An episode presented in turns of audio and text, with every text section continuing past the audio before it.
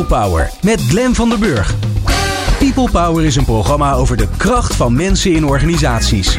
Met interviews en laatste inzichten voor betere prestaties en gelukkige mensen. Deze week gaat Glen van der Burg in gesprek met. Jesse Segers en Marguerite de Man van CEO zijn te gast. Organisatiekunde is een wetenschap. Gebaseerd op onderzoek met modellen, kwadranten en zeker de laatste jaren een flinke dosis psychologie. Maar met de opkomst van purpose en sustainability komen ook ethische, morele en zelfs filosofische vraagstukken naar boven. Wat gebeurt er als je met een filosofische bril naar organisaties gaat kijken? Jesse Segers en Margriete Man van CEO hebben ruim, met ruim 30 co-auteurs een boek geschreven. Dat op zich is al een, uh, al een organisatievraagstuk. En dat boek hebben ze geschreven over het schone in begeleiden en organiseren. Wat is het schone? Is het een deel van een oplossing of een antwoord op de hedendaagse problemen en vraagstukken in organisaties? Wat is het unieke ervan? En is het schone voldoende? Maar is het überhaupt maakbaar? Nou ja, dat gaan we allemaal navragen. En ik moet je zeggen, dit wordt een hele spannende ehm, en voor mij ook zeer leerzame aflevering. Omdat alles wat hierin uh, naar voren gaat komen, voor mij in ieder geval redelijk nieuw is. Wil je nou de nieuwste afleveringen van People Power via WhatsApp? Dat kan. Sla ons nummer dan op onder je contactpersonen 06 45 66 75 48. Stuur ons een berichtje met je naam en podcast aan. Dan sturen we de nieuwste afleveringen direct zodra ze online staan. Fijn dat je luistert naar People Power. Dit is Nieuw Business Radio. People Power met Glenn van der Burg. Jesse Segers en Margriete Man. Jullie zijn allebei al een keer te gast geweest hier. En nu weer terug in de nieuwe studio. Voor jullie in ieder geval. Wij, wij lopen hier al bijna zo'n jaar rond. Ja. Wat ongelooflijk leuk dat jullie er weer zijn. En dan ook nog eens een keer met een heel mooi boek. Jesse, je hebt hem, uh, je hebt hem bij, bij je. Een, een, een dik boek. Een mooi boek. Het ziet er mooi uit. Het is een schoon boek zou ik bijna zeggen tegen een Vlaming. Um, ja, het begint ergens zo'n boek altijd. Er is een moment dat iemand met een idee komt. Of die zegt van, goh, ik loop hier al een tijdje mee rond. Of waar is dit boek ontstaan? Ik kijk jullie even allebei aan. Mogen jullie zelf kiezen wie er gaat beginnen? Jesse, ja. Er, er is een lange en een korte versie natuurlijk bij zo'n boek. Um, ik wil graag de schone versie. De schone versie die begint met Once Upon a Time. Kreeg ik, uh, ging ik... Uh, een groep mensen begeleiden in Noorwegen um, als, uh, als coach. En een van die opdrachten die daarbij hoorde was ook om als coach uh, bevraagd te worden. En dan moest ik uh, aan mensen die mij goed kenden, The Good and the Bad and the Ugly, over mezelf lezen in brieven. En onze zakelijk directeur Peter Paul die zei dat is allemaal goed en wel die missie van CEO over het ware, het schone en het goede. Wij maken daar met precisie ruimte voor. En dat ware is eigenlijk wel helder, want dat is de wetenschap. Ja. En het goede is ook helder, dat is de, de ethische vragen die we hebben. Maar hoe zit dat nu met het schone? En die vraag liet me niet los. Ik vond dat een terechte vraag. We voelden dat eigenlijk onderling allemaal wel. En er was zelfs geen enkele discussie. Binnen de CEO-community ook niet van uh, het schone, dat is iets dat we delen. Uh, maar geef daar nu maar eens taal aan. Wat is dat dan het schone in organisaties, in leiderschap, in begeleiderschap, in adviesvak? Oké, dus het begint eigenlijk bij de missie van, van CEO. Hè, met, met die drie mooie woorden. Ik, ik heb even gegoogeld, want ik dacht, die komt me ergens bekend voor. Nou, het is oud, hè? Plato, die heeft het ooit bedacht. Ja. Heb ik ook maar gewoon gegoogeld hoor. Nu, het lijkt net alsof ik enorme intelligente dingen nu ga zeggen. Maar het is al heel oud. Ja. Um, en jullie hebben dat eigenlijk toegepast op, op jezelf. Hey, ja, mede om, misschien mede interessant om mee te geven is, in de tijd van de oude Grieken hoorden die samen, het ware, het goede en het schone. Maar een, een jaar of 200 geleden zijn die elk op zich verzelfstandigd. Dan krijg je, zoals ik net zei, de, de wetenschap en dan heb je de ethiek en dan had je meer de esthetiek en de, en de kunsten. En het ware en het goede, dat is wel iets dat overbleef in organisaties. Maar ja, wij waren aan het puzzelen dan, wat is dan het schone? Geef daar maar eens taal aan. En zo is eigenlijk die bal aan het rollen gegaan. We hebben dan met verschillende mensen in het netwerk gesproken van, eh, kan je dat eens expliciteren? We zijn ook trouwens naar de wetenschap gaan kijken eerst. Er waren eigenlijk maar enkele journals, enkele tijdschriften. Journal of Organizational Aesthetics bijvoorbeeld. Um, jonge journals waren dat, dus het was een opkomend vakgebied. Ik kende ook een prof in, in INSEAD die over leiderschap en uh, kunst aan het schrijven was. Zo van, leadership is an art, why don't we learn from the artist? Hmm. Um, er is de International Leadership Association, dat is de grootste in, in de wereld daar rond. die nieuwste special interest group ging ook over kunst. Dus het was iets dat emergent wel was in de, in de omgeving. En ik dacht, ja, misschien is de tijd rijp. We vroegen dan aan ons netwerk. En de meesten waren direct geïnteresseerd. En dan hebben wij een uitnodiging gestuurd, wetende dat dit echt onontgonnen terrein was. En dan merken we nu ook, als we het moeten uitleggen, eh, van wil je iets schrijven over het schone? Wat is dat dan? En we hebben ja, want jullie hebben het, we verteld het even, het boek samengeschreven met, eh, met 35 geloof ik, ja. co-auteurs, die allemaal een, uh, ja, hun eigen beeld eigenlijk van, uh, van het schone, uh, als het gaat over organiseren, op papier hebben gezet. Um, voordat we daarheen gaan, um, die, drie, die drie eenheid eigenlijk, hè? Want zoals jij het zegt ook, Jesse, ik ben benieuwd, Margriet, hoe jij daarnaar kijkt. Zo zijn ze ook een beetje opeenvolgend zijn ze gekomen. Hè? Want um, uh, het ware, de wetenschap, die, die, die is naar mijn idee. Uh, deden we heel lang maar wat. En toen gingen we daar ook onderzoek naar doen, wat er nou eigenlijk werkte. En toen kwam, nou ja, ondertussen is dat natuurlijk een hele, een hele wetenschap, maar ook een hele business geworden om te kijken van ja, wat werkt er nou eigenlijk in organisaties? Uh, dat goede, um, dat is nog best wel jong. In ieder geval dat het weer terug is gekeerd. Ja, het goede heeft twee dimensies eigenlijk op dit moment. Hè? Dus het goede heeft de, zeg maar de ethische en de morele dimensie. En de goede heeft zeg maar heel erg de dimensie van het goede doen in de samenleving. Ja. Dus meervoudige waardecreatie. Daarmee, en dat is eigenlijk natuurlijk ook ethisch en moreel. Maar zeg maar, je kunt ook zeggen van dat is eigenlijk een ander aspect van het goede. Wat er de laatste jaren weer heel erg bij is gekomen. Ja. Ja, uh, met de why en de purpose. Precies, en, uh, en, maar, ja, maar ja. ook zeg maar hè, zorgen dat je uh, minder vervuilt en ja. meehelpt als bedrijf om maatschappelijke vraagstukken op te lossen, et cetera. En het, je hebt gelijk, hè, in organisatie, de organisatiekunde is eigenlijk de oudste wetenschap.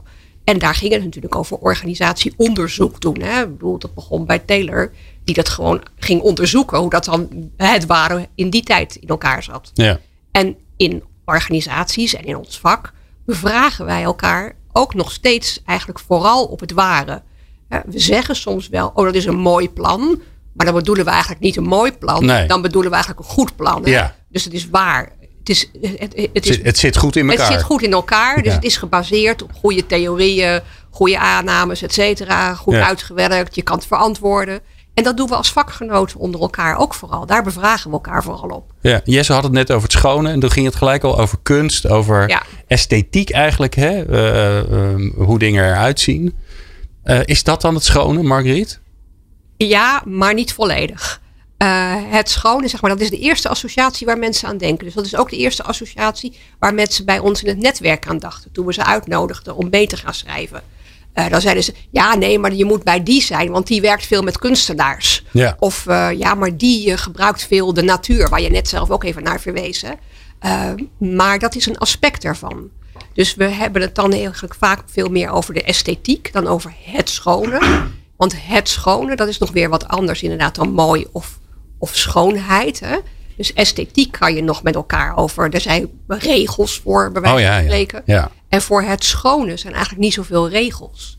Het schone, dat zit eigenlijk tussen, inderdaad, hè, als je teruggaat naar die, naar die oude Grieken, uh, pendelt heen en weer tussen Plato en Aristoteles en hun manier van denken over de wereld en idealen. Ja, maar nu moet je ons helpen, want die hebben we niet allemaal bestudeerd. Helaas niet, wil ik bijna zeggen. Ik wou dat ik het gehad had op de middelbare school uh, als vak. Um, uh, maar help ons daar eens even. Uh, het schone is dus niet iets van het is wel of niet mooi. Hè? Nee. nou ja, gulden sneden. Iedereen heeft er wel ideeën bij. Wel, zijn, wel, welke kleuren passen er wel niet bij elkaar. Ja, gulden sneden. Zo, allemaal, dat is meer esthetiek ja. dan mooi. Mooi is is dit uitzicht mooi? Jij ja. zegt ja en ik zeg nee. Ja. En dan kunnen we nog aan elkaar vragen waarom dan. Maar esthetiek is echt zeg maar een vakgebied. Ja. Uh, dus daar zijn inderdaad zeg maar... Hè, en daarbinnen heb je verschillende stromingen. Uh, misschien om een idee direct te geven waarom dat het schone uh, niet hetzelfde als mooi is. Je hebt ook zoiets als atonale muziek. Ja. De meeste mensen gaan dat niet mooi vinden, maar hoort wel bij de schone kunsten. Ehm, en om terug te gaan naar die Grieken, eigenlijk heb je de ideeënwereld van Plato. En dat is de eerste associatie die we hebben. Dat een soort absolute schone. Zo droombeelden, ideaalbeelden, de perfectie. Het is af. En dat is belangrijk. Dat is wat veel managementauteurs, academici, consultants, ook leiders schetsen van hier moeten we naartoe. Ja, de visie, de missie. Voilà. Ja. Het absolute, niks op aan te merken. En dan heb je natuurlijk, dat is de ideeënwereld van Plato. Hè. En dan heb je natuurlijk de taaie werkelijkheid. En dat was een beetje wat Aristoteles van zei. Jongens, met praktijkervaring lijkt er mij ook veel schoonheid te zitten in een soort alledaagse schoonheid. In net het onaffe, in de worsteling, in, het, uh, in de rafelranden, in het uh, morsige. En die is veel moeilijker te observeren. Daar, daar kunnen we ook op ingaan van hoe dat dan gebeurt. Maar eenmaal als we die dan zien, dat is dan weer typisch de mens. In de alledaagse schoonheid verlangen we op een zeker moment toch terug naar die mooie verhalen die in de keynotes verteld worden. En, we gaan we en eigenlijk die pendelbeweging die tragisch is, want ja, we gaan nooit die droombeelden halen. Maar in die tragiek zit ook weer schoonheid. Ja. En de Grieken zeggen dat is eigenlijk gedreven door eros. Hè? Dus door, dat is het verlangen naar wijsheid en schoonheid. Die maakt dat we steeds opnieuw die pendelbeweging maken tussen de absolute en de alledaagse schone.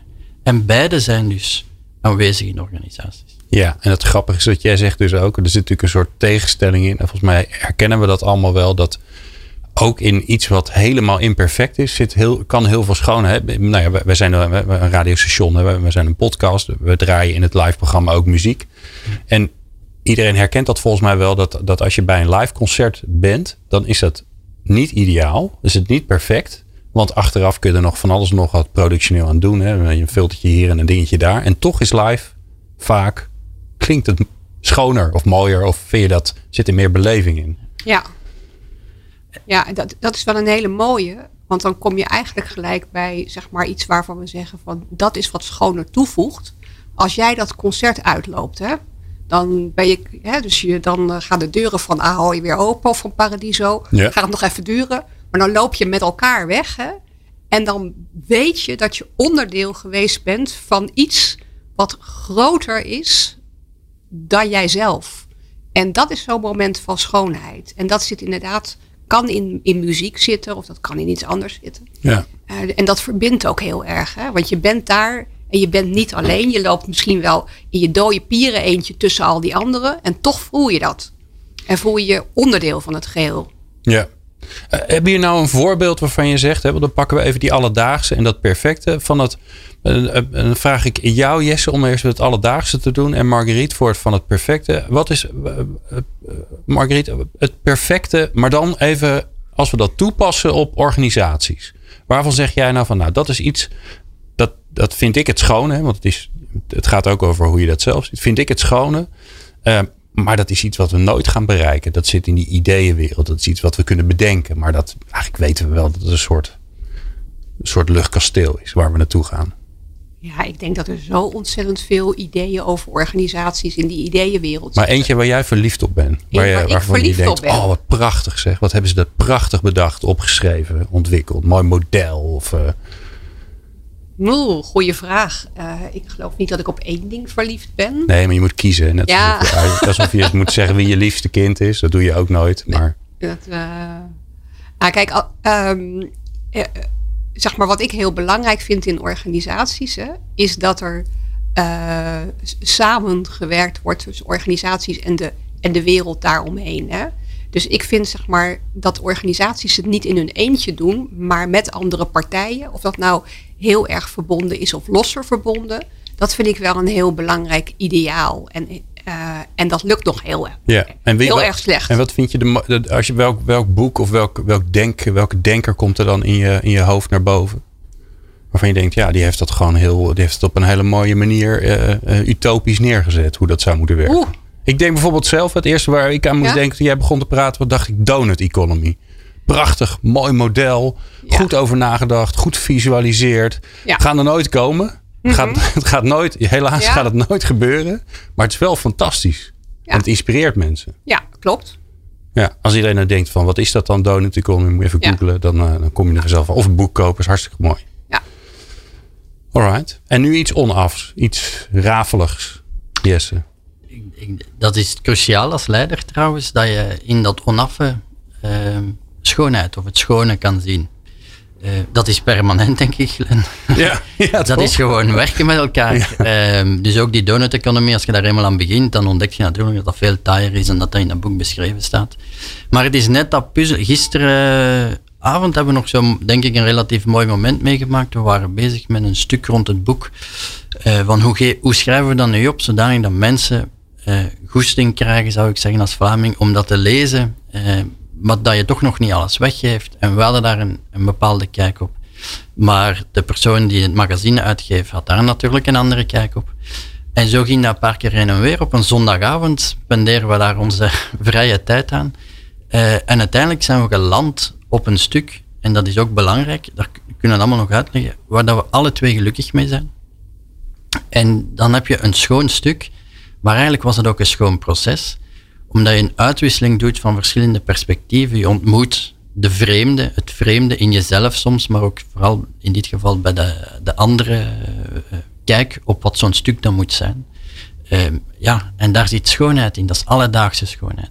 En als je daar niet van kan genieten als leider, want in een organisatie schets je dan dat vergezicht van waar dat je mogelijk naartoe zou kunnen gaan, dan wordt leiderschap met korte ei leiderschap met lange ei natuurlijk. Want dan uh, is het een lang frustrerend proces. Ja. Uh, het is zelfs het omarmen van dat onaffe. Van, van iets bedenken en weten dat het toch anders gaat lopen. En daar ook uh, plezier en, en, genot van hebben.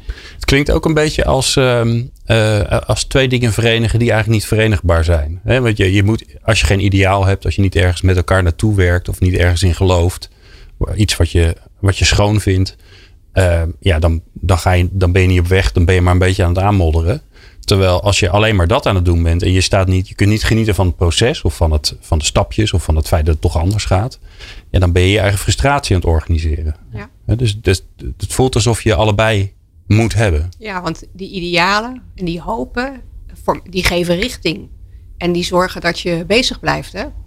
Uh, dus dat is heel belangrijk om uh, ja, actie te kunnen blijven ondernemen. Ja. En voortgang te kunnen blijven maken. Iemand in het boek schrijft zo mooi dat uh, het, het, voor de Grieken gaat, gaat, het in essentie ook altijd om die dualiteit. Want eenheid, dat is zoals stilstaand water. Dat is schoon, maar is aan het sterven natuurlijk, is aan het hmm. rotten. En leiderschap in, van, vanuit de Griekse eh, terminologie eh, is archontes, als ik dat juist uitspreek. Ik heb ook geen Grieks gedaan. Ik ook niet. Dus maar het betekent alleszins uh, de eenheid die een dualiteit creëert. En dat is eigenlijk wat die leiderschap dan ook inhoudt. De absolute schoonheid met, het, uh, met de alledaagse schoonheid. En die heen en weer beweging, uh, die tragische heen en weer beweging, die zelf troost ook kan bieden. Hè? Ja. Uh, enzovoort. Nou, het, het, 35 co-auteurs, die hebben natuurlijk veel te veel geschreven om even in een, in een uurtje op de radio allemaal te bespreken. Maar ik ben wel benieuwd welke jullie er, daaruit gaan pikken als een mooi voorbeeld om een, om een klein inkijkje te geven in het boek. En dat hoor je zo. People Power met Glenn van der Burg. In de studio Jesse Zegers en Margriete Man van CEO over uh, het schone boek Het Schone. Over het Schone, want zo heet het boek. Um, uh, ja, kijk, bij een boek geschreven door 35 auteurs. Met dus ook daarin 35 verschillende visies, beelden, voorbeelden van wat dan het schone is in, in organisaties, in begeleiden en, en organiseren ja, dan daar, kun je gewoon in zo'n in zo'n uitzending eigenlijk geen eer aan doen. Behalve als wij het onszelf eh, zien als een soort uh, amuse voor, voor het hoofdgerecht. En dat is het, dat is het boek. Dat moet je natuurlijk vooral kopen. dus ik ben wel benieuwd. Jullie krijgen die, die 35 verhalen binnen, die 35 visies. Ja, dan gebeurt er natuurlijk wat als je dat leest. Dus Margriet, welke, welke is het eerste die bij jou in je, in je hoofd sprong? Dat je dacht, oh ja, daar wil ik wel wat over vertellen. Oké, uh, ik wil wel iets vertellen over het stuk van Rosemarijn Koenen. Ja. Uh, dat is uh, een van de docenten ook uit ons netwerk. zij werkt heel veel met deelnemers individueel. Dus veel coachingsachtige sessies. Of in, of in kleine groepjes, intervisieachtige sessies. En vaak met ingewikkelde vraagstukken. Dus niet zomaar een beetje van, goh, hoe kan ik deze klus nou slimmer doen? Maar vraag, heel vaak vraagstukken die er voor die mensen heel erg toe doen. Hm. Die existentieel zijn. Uh, over, ja, zeg maar, van hoe overleef ik als vrouw in deze wetenschappelijke mannenwereld? Of uh, situaties met mensen die eigenlijk in hun jeugd of later zwaar beschadigd zijn. En die toch iets ervan moeten maken. En zij werkt zeg maar heel erg in lijn met onze visie ook, hè, met precisie, samen. En wat zij beschrijft is heel erg mooi, zeg maar eigenlijk een vijftal korte cases van situaties waar zij in werkte, van situaties die zwaar waren en waarvan ze zegt, en toch bereikten we daar iets. Niet dat die situatie, dat het verleden overgaat, hè, want een getraumatiseerde jeugd verdampt niet. Hè, Nee. Maar dat mensen er net iets beter mee kunnen hanteren en dat het een plek krijgt. Of dat mensen hun vraag, zeg maar, over van hoe doe ik dat nou als vrouw in deze academische wereld, dat ze daar meer gerustgesteld op zijn en hun eigen weg in kunnen vinden. En En is de les dan. ehm, ehm, kijk naar. eh, Zorg dat je daar oog voor hebt. Dat je dat, dat, je dat registreert. Dat je zoiets kleins. eh, ja. Ja, waar ik zelf aan moet denken is dat, want ik, eh, nou ja, ik- heb ook flink wat bijeenkomsten, maar ook heel veel radioprogramma's. Zeggen mensen, nou, vind je het dan niet jammer dat er niet veel meer mensen luisteren? Of dat, eh, dat niet iedereen gaat doen wat je zegt? Dan zeg ik, nou, nee, want ik weet dat dat toch niet gaat gebeuren. Het is mooi als het wel gebeurt, maar ik weet dat dat een utopie is. Dus als er één iemand luistert, hè, dat geldt ook voor dit programma, als er één iemand luistert en die gaat vanaf morgen, ziet hij meer het schone van zijn werk en die is daardoor aangeraakt, dan hebben we het toch fantastisch gedaan. Dus ik, eh, ja, dat zou ik iedereen gunnen, dat dat lukt. Ja, en zeg maar in die sessies, hè, en zo, die Roze doet, maar sowieso als het gaat over het schone. Hè, het schone is heel fragiel en heel vluchtig. En je ziet het niet makkelijk en je kunt het ook niet zo goed benoemen, eh, maar je voelt het als het ware dat het er is. En als begeleider is het dus van belang dat je het niet te duidelijk gaat zeggen van, nou mensen, nou hebben we hier een heel mooi moment. Dit is het schone. Want dan is het weg. Ja, dan is het weg. Dan maak je het kapot. Maar je moet wel Ja. zorgen dat het kan landen en dat mensen het als het ware kunnen absorberen en dus zelf inzien. Dus die tijd ervoor houden. Hè, dus vooral niet te snel zijn. En eh, snelheid is iets wat in veel organisaties eh parten speelt. Hè. Het moet altijd vandaag, het moet gisteren, oh ja, het moet eer- eerder nog gisteren dan vandaag. En kunnen we niet even snel een oplossing vinden? Of zit, ja, daar zit het hem niet in. En dan ontstaat het ook niet. En wat heb je dan nodig om het, om het te kunnen ervaren? ja, een bepaalde mate van vertraging en rust. Zodat je steeds aandacht blijft kunnen schenken aan wat er daadwerkelijk op dat moment gebeurt. Met mensen, tussen mensen. Oké. Dus En, en voor alle helderheid, het is de twee. Hè? Dus voor de alledaagse schoonheid te zien, de vertraging. Maar er is ook een fantastische schoonheid. En of het schone in snelheid, in zuiverheid, in flow. In, daar zit ook iets, dat, maar dat zit meer in de Plato-kant, in die ideale schoonheid. Zo. Maar als je die alledaags wilt zien, dan krijg je wat Marguerite vertelt. Ik heb een hele rare. eh, je probeert het toch ook op een of andere manier te snappen en vast te pakken. Ik in ieder geval wel. Ik moet gelijk aan voetbal denken. Bij voetbal gaat het natuurlijk om het doelpunt. En er zijn soms hele mooie doelpunten. Maar eigenlijk gebeurt er. Hè, dus als je, als je je gaat verdiepen.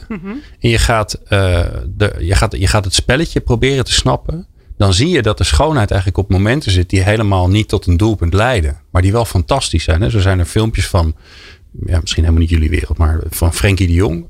En dan, dan kijken ze alleen maar hoe hij eh, de bal aanneemt en paasjes geeft. En, en dat doet hij de hele tijd door. En dat is prachtig om te zien. En Dat, is, eh, dat, dat, nou, dat is, eh, da- daar moet ik gelijk aan denken. Van, in organisaties dat er heel veel mooie dingen gebeuren. Maar dat leidt niet tot een order. Of leidt niet tot een enorme effectiviteitsverbetering. Of, Oké, nou, we, we proberen het te grijpen. Jesse, wel, welke, welke stuk van de 35 denk je aan? Ja, ik vind dat een hele moeilijke vraag. Ehm, omdat er heel veel. Er, voor mij dat er schoonheid op verschillende niveaus. Er zijn eh, bijvoorbeeld een stuk eh, van professor Andries Baart heeft me aan het denken gezet. Maar ook eh, van dokter Mo- Moira Muller heeft me aan het denken gezet. Maar dat zijn meer de intellectuele, dat, dit wist ik nog niet en verrassende dingen. Er, zijn andere stukken en er is een veelvoud ik ga, ik ga mijn goede vriend eh, Koen Marichal eh, maar naar voren schuiven. ehm, die een hele mooie beschrijving geeft over hoe dat eigenlijk, mijn woorden, eh, gestart is als een eh, platonist, zal ik zeggen. Hè, het streven naar het ideale. en gaandeweg door de ingewikkeldheid van het leven steeds meer kan genieten van de alledaagse schoonheid. Maar hij beschrijft dat op een manier dat iedereen kan volgen. Eh, van het uh, ideale plaatje met het huis en de getrouwd en de kinderen tot ja, een heel andere leven dat je uiteindelijk loopt. Maar daar ook schoonheid in zien. Ik heb uh, in het stuk van Tim Stevens ontdekt, een collega dan van ons, dat schoonheid eigenlijk, of het schone zijn drijver is. Dat daar ook, dat vond ik zo'n mooie uitdrukking, het risico van de vakmens die ook streeft naar het schone, is ook dat je gekwetst wordt want dat vraagt een soort kwetsbaarheid en moed om je te verbinden met dingen die je nog niet kent, met het vreemde. Uh, maar dat kan dus ook fout gaan. Uh, en dan heb je ja, datgene wat voor jou waardevol is, heb je in ontmoeting, hè, dus in het niet meer moeten van wat voor jou waardevol is gebracht. Ja, en als die verbinding dan uiteindelijk niet lukt, ja, dan doet het natuurlijk pijn. Dat beschrijft hij ook fantastisch. Uh, weer op een heel andere manier um, legt bijvoorbeeld een, een Bretje Kessner uh, heel mooi uit waarom het misschien een utopie is om uh, schone organisaties, en dat we het over organisatie kunnen te hebben, omdat als je probeert harmonie en afstemming te creëren tussen al die verschillende waardekaders, de wederzijdse erkenning en respect daarvoor, van die vreemde waardes voor elkaar dan, dat dat bijna niet meer mogelijk is, omdat er steeds meer stakeholders op steeds meer medezeggenschap is. Dus misschien zijn organisaties per definitie lelijk. Dus een heel mooie weg hoe dat ze daar uh, naartoe komt. Terwijl een Hans Strikker daar, daar dan tegenover staat en meer, veel meer een, vanuit Plato redeneert en zegt, nee, organisaties zijn gewoon lelijk omdat wij die concepten niet goed kennen. Er zijn veel te veel copycat consultants. Je moet eigenlijk je verdiepen, je moet je denken opschonen, wil je schone organisaties hebben. Uh, nog andere, uh, een, een Tabo, ehm, die is opgeleid als kunstenaar. En die beschrijft hoe dat hij eigenlijk opgeleid is om onschadelijk te zijn. Dat is een, een white cube strategy. Je maakt iets, dat wordt dan ergens in een museum opgehangen. We kijken daarnaar, het beweegt ons even, dan gaan we naar buiten en zeggen we, en nu terug de echte wereld. Maar hij zegt, ja, als we die talenten van anders kijken, andere taal, van het vreemde, van de onmaat inbrengen der dingen, nu eens gaan gebruiken, waar het echt spannend wordt, in de moeilijke vraagstukken dan kunnen we als kunstenaars, en dan gaat, beweegt je dus naar social design, wel iets toevoegen dat anderen niet kunnen toevoegen. En hij beschrijft dat fantastisch. En dan nog weer anderen hebben het dan over de kunst van uh, al die regelgeving in de zorg. Dus al die, dan zeggen ja, maar misschien moet je dat niet bekijken als regels, maar gewoon als noten van partituur. En dan wordt dat niet zorgethiek, maar zorgesthetiek. Het geeft kaders, maar je moet het nog gaan interpreteren. En zo, zo zit voor mij dat boek vol met pareltjes van waar allemaal schoonheid in zit, van persoonlijke dingen, als nieuwe ideeën, als nieuwe taal gewoon die mensen aanreiken. Dus ik, ik kan er jammer genoeg niet eentje uit aanreiken, maar... Maar dit is ook uh, schoon, dus dat is prima. Uh, waar ik heel benieuwd naar ben, want um, als er dan iemand is onder onze columnisten die, ja, die een taalvirtuoos is en die de ene schone column naar de andere aan elkaar rijgt, dan is het wel Harry Starre. En die hoor je zo. People Power. Inspirerende gesprekken over de kracht van mensen in organisaties. Met Glen van der Burg. Ja, ik, um, um, uh, onze columnisten die worden altijd uh, ja, gewoon ingepland. Een beetje, beetje randomachtig. En dan zal je altijd zien dat, uh, ja, dat soms dingen gewoon vanzelf fantastisch gaan. Want hij past zo goed bij deze aflevering over, over het schone, toch een licht filosofische bespiegeling van organisaties. En um, hij is hier voor zijn column. Harry Starre. Harry, het past fantastisch bij je, toch? Ja, ja ik had hem toevallig liggen. Dus het kwam heel goed uit. Oh, je had hem al liggen ook? Het schoon, ja, en het schone fascineert natuurlijk enorm. Schoonheid. En het wordt niet altijd geassocieerd met uh, organisaties. Dus het boek dat is uitgekomen komt uh, eigenlijk te laat, maar ook wel weer precies op tijd. Ja, nou, ik zou zeggen, ik ben uh, verrijk ons met je column. Ja, de titel van mijn column is Spiegel aan de wand. En ik heb er ook nog een motto bij. Dat is zelden zag ik later zoveel schoonheid in het water als op zo'n avond aan zee met z'n twee. En iedereen die uh, wel eens in Carré komt, die herkent Herman van Veen. Beauty is in the eye of the beholder. Je moet oog hebben Je moet er oog voor hebben en dan is het plotseling overal. In de berm, in de daklijst van hooghartige kantoorgebouwen, in het spelende kind en in de kust van twee verliefde mensen midden op straat. Is er schoonheid in organisaties? De vraag stellen is haar beantwoorden. Maar of we er oog voor hebben, dat is waar het hier om gaat. Schoonheid, duur gezegd, de esthetische gewaarwording, is in het organiseren geen gebruikelijke categorie. Ze lijkt ver af te staan van de functionele oriëntatie waar het bij organiseren vaak om gaat. Schoonheid is bijvangst. Zo fietste ik enige tijd geleden langs de majestueuze installaties van wat we vroeger de hoogovens noemden. Het was een zwoele zomeravond. Daar werd ik de lichte gewaar van de staalfabriek die mij aan Centre Pompidou deden denken. De giftige rookpluimen maakten het gevaarte tot een schip uit verre tijden en muiden. Zoveel schoonheid aan het water. Ja, Peters deelde enige tijd geleden lyrisch een videoclip van een pitstop van Verstappen. De snelheid en de vakbekwaamheid van de technische assistenten. Een theatrale belevenis die in de ogen van Jaap een toonbeeld van stafondersteuning was. Ik kon de schoonheid er amper van verwerken, geïrriteerd als ik was over deze eredienst opgedragen aan de verbrandingsmotor. Het is dus maar hoe je het beziet. Schoonheid is een aanname, het is ook een conventie. Enig wantrouwen is op zijn plaats als het om schoonheid gaat. Zo gaf ik meermalen als het ging om leiderschap de helft van de zaal aan de ene zijde van het middenpad een gedicht van Fernando Pessoa, de grote Portugese dichter. De andere helft kreeg een gedicht van mijn hand, een hobby. Ik vroeg de deelnemers het gedicht te waarderen met een cijfer en een enkel woord. Het gedicht van Pessoa kreeg een hoge waardering, een acht of hoger, en het woord dat het meest werd toegevoegd was inspirerend. Mijn gedicht werd aanmerkelijk lager gewaardeerd. Tussen de vier en de zes, dat was het hoogste cijfer. Het commentaar was niet mals. Het mooiste vond ik, Harry, blijf doen wat je nu doet. Mijn gedicht was hetzelfde gedicht dat ik aan de anderen had gegeven, maar het gedicht van de grote Pessoa werd onder mijn naam veel lager gewaardeerd. Schoonheid is amoreel. Misschien kun je zeggen dat het ware en het goede altijd schoon is, maar het schone niet altijd waar en goed.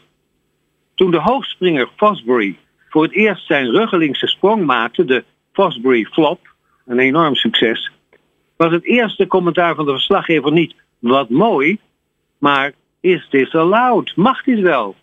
Als die vraag, kan dit wel? Mag dit wel? Als eerste gesteld wordt, dan ben je in de nabijheid van innovatie. Toen de Twin Towers werden binnengevlogen in een terroristische aanslag, was het eerste en ongeremde commentaar van de verslaggever veelzeggend en een tikje onbehoorlijk. Hij zei, wauw! Om er daarna geschrokken van zijn eigen reactie aan toe te voegen hoe vreselijk het was. De esthetiek van het kwaad blijft doorgaans onbesproken. Maar wie de films van Bond tot Cruise beschouwt, kan niet aan de esthetiek van geweld en vernietiging ontkomen. Wat is er mooier dan een toren die instort, een gebouw dat wordt weggeblazen, een brug die te water gaat? Schoonheid is amoreel. Schoonheid is niet alleen een lust voor het oog, als het uh, als in onze uh, cultuur dominant is, het oog, maar schoonheid raakt alle zintuigen. dat kan van persoon tot persoon verschillen. Velen van ons raken uh, door een beeld gehoord. Anderen komen tot hun diepste ontroering als zij de opening van een Mahler-symfonie horen. Schoonheid is niet vanzelfsprekend, want diezelfde Mahler-symfonie werd door recensenten bij het uitkomen geen muziek genoemd. Ik kom nog uit de tijd dat mensen muziek van de Beatles lawaai noemden. En Cobra geen kunst, want dat kan mijn kleine nichtje ook alle kans dat bij hen nu een kortije aan de wand hangt.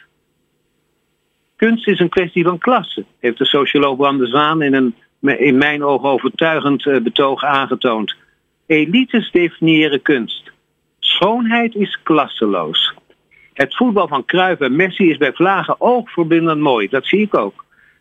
Uh, en iets dergelijks schijnt bij cricket ook te gebeuren, maar dat ontgaat me. Schoonheid is bijvangst in organisaties. Dat was de vraag toch? We kopen auto's niet om een motorvermogen en een bank in de kamer moet voor veel mensen meer doen dan alleen lekker zitten. Apple is misschien het sterkste voorbeeld dat schoonheid ertoe doet. Steve Jobs was daar ongebruikelijk fanatiek in. Zelfs het binnenwerk moest mooi zijn. En eerlijk is eerlijk, ik kan de verpakking van een Apple-product lastig weggooien, omdat het onwaarschijnlijk mooi is. Mooi is duurzaam. De grachtenpanden in Amsterdam zijn functioneel niet de beste huizen ooit gebouwd, maar je moet blind zijn als je ze zou willen slopen. Schoonheid maakt duurzaam. Maar niet alles wat duurzaam is, behoudt de functie die het ooit had. De fabrieken worden creatieve werkplaatsen, de watertorens kantoren en de kastelen zijn nu conferentieorden. Daarom voorspel ik een beweging die gaat strijden voor het behoud van kolencentrales. Me goed, niet om wat ze doen, maar om wat ze zijn. Want ze zijn oogverblindend mooi. Als je er oog voor hebt. Thales van Mileten, de oude wijsgeer uit Griekenland, Klein-Azië, is voor mij een prachtig voorbeeld van de potentiële schoonheid van ons denken. En daarmee inspirerend voor types als wij die hun brood verdienen in de kenniseconomie. Thales stond voor de vraag hoe je de hoogte van piramides moest meten. Op het oog een onmogelijke klus, tot hij bedacht dat de zon schaduw produceert. Staande naast de piramide nam hij een stok en wachtte hij tot de zon een schaduw maakte die even lang was als de stok. Op dat moment wist hij dat de schaduw van de piramide even lang was als haar hoogte. Mooi hè? Net als je column, Harry. Dankjewel. Dankjewel. We zijn er een beetje stil van. We hebben ook geleerd hè, dat we het moeten absorberen. In het moment moeten zijn. Je kunt nu sterven. Ja. Tot snel, Harry. Oké, okay, graag. Elke maandag People Power op Nieuw Business Radio. Jesse Segers en Margriet Man van CEO in de studio. Um, ja, we hebben het over, uh, over het nieuwe boek, over het schone. Uh, wat een prachtige filosofische uh, blik is op organiseren, organisaties uh, enzovoorts. En terwijl ik ehm, hier met jullie doorheen ga en er al, al wat een en ander over leer, denk ik ook, Marguerite, ja, valt dit te leren? Kun je, kun je jezelf aanleren om het meer te zien, te voelen, eraan te werken?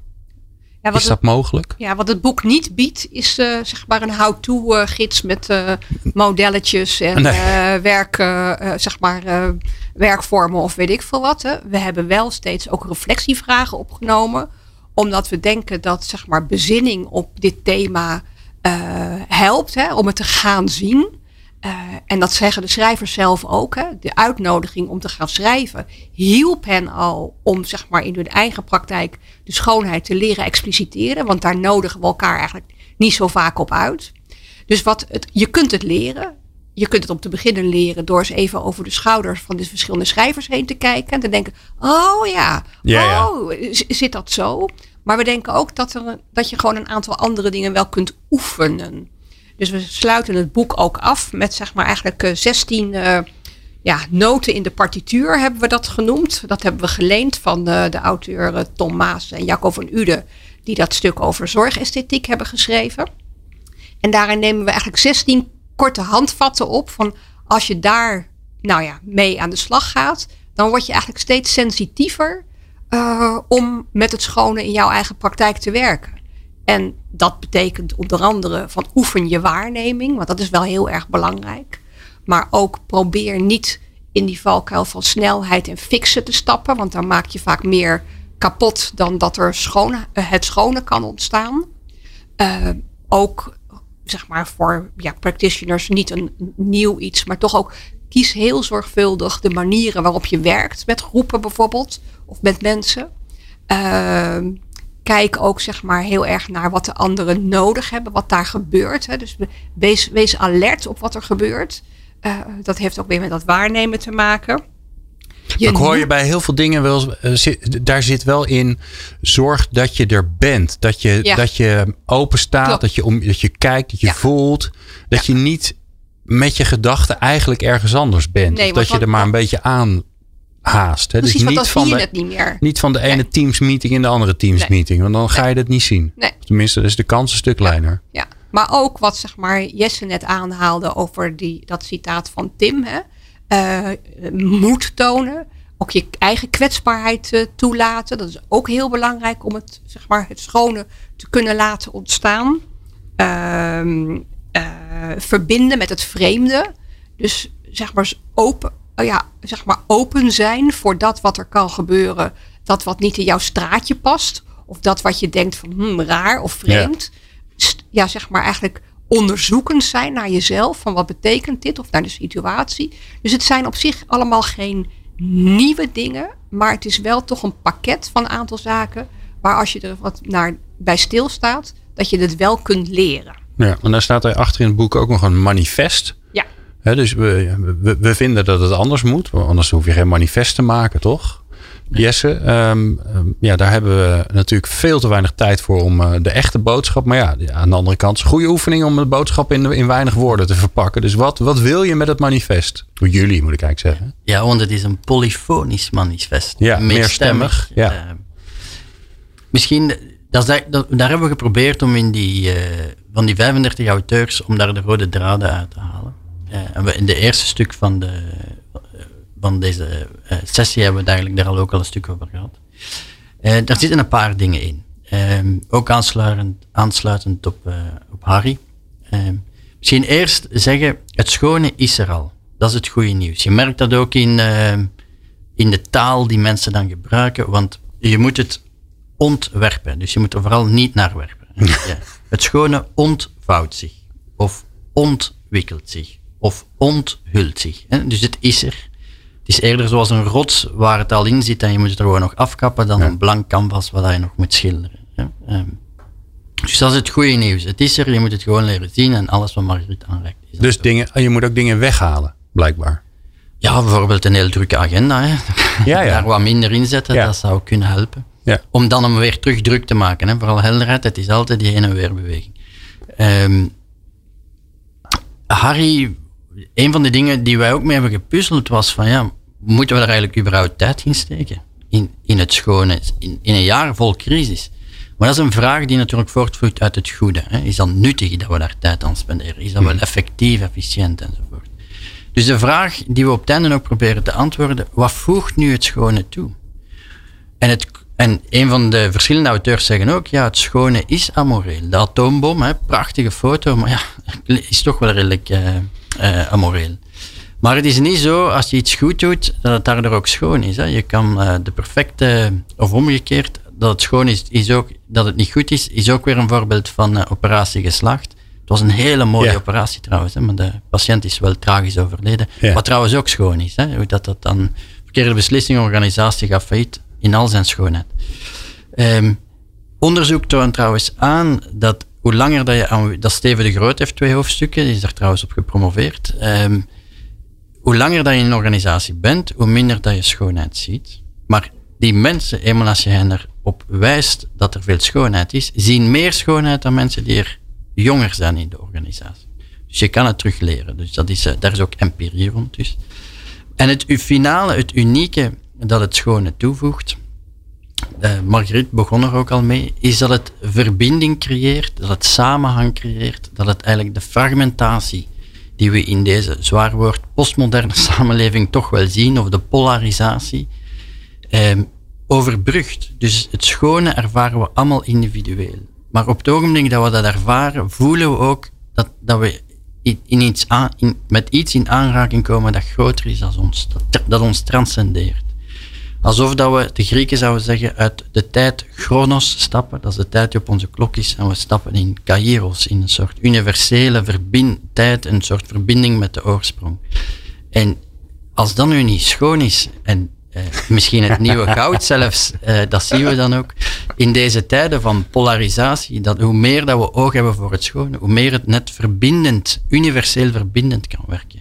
En dat zie je bijvoorbeeld op het ogenblik dat een organisatie op overleven staat van wat bindt, wat is onze missie? En opeens kom je daarmee in aanraking en dan zie je dat. Of uh, de humaniteit of kwetsbaarheid of liefde of hoop, dat klinkt nu al heel uh, soft, totdat je het meemaakt. Uh, dan opeens voel je die verbinding. En soms trouwens komt die verbinding achteraf pas. Dat kan ook nog gebeuren, dat de tijd zijn werk moet doen.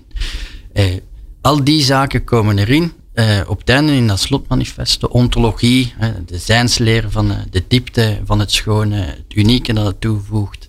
En ook hoe dat je als vakmens het schone wel tijdelijk kan isoleren, maar als je het isoleert, dan word je terug een white cube strategy. Als we het schone voor het schone gaan doen, dan worden we onschadelijk gemaakt. Het is nu net de liefde als vakmens die maakt dat we ook het ware en het goede er weer bij moeten nemen. Dus dat beschrijven we dan ook, ehm, hoe dat eigenlijk weer die driepoot is, terug naar die oude Grieken. Ehm, maar hoe dat schone wel een unieke plek en zijn rechten kent en eigenlijk wel deel van een oplossing kan zijn voor de complexiteit waarin we zitten. Mooi. Ik vond het een mooie, mooie verkenning met jullie. Ehm, en volgens mij is het boek uh, daar nog een veel, veel, veel grotere verdieping in van de verkenning. Uh, want het mooie van het schone volgens mij is dat er ook geen antwoord op is wat het nou precies is. Dat is voor iedereen namelijk weer anders en is iets wat je zelf een beetje moet uitvogelen. Uh, dus uh, veel dank. Bijzonder leuk dat jullie hier waren. Jesse Segers en Marieke, Marguerite de Man van CEO. Uh, wil je meer weten over het boek, over het schone? Dan moet je even googlen. En anders dan zorgen wij er wel voor dat er een linkje op onze website staat. Um, in de volgende aflevering van People Power, want wij gaan ook weer gewoon door, gaan we het hebben over duurzame inzetbaarheid. En um, waar we het heel vaak over hebben is, uh, ja, hoe zorg je nou voor dat mensen duurzaam inzetbaar zijn? Maar wat als het dan ondanks al je energie en inspanningen toch misgaat? Wat doe je dan? Dat hoor je in de volgende aflevering van People Power. Fijn dat je hebt geluisterd. Meepraten of meer programma's? people-power.nl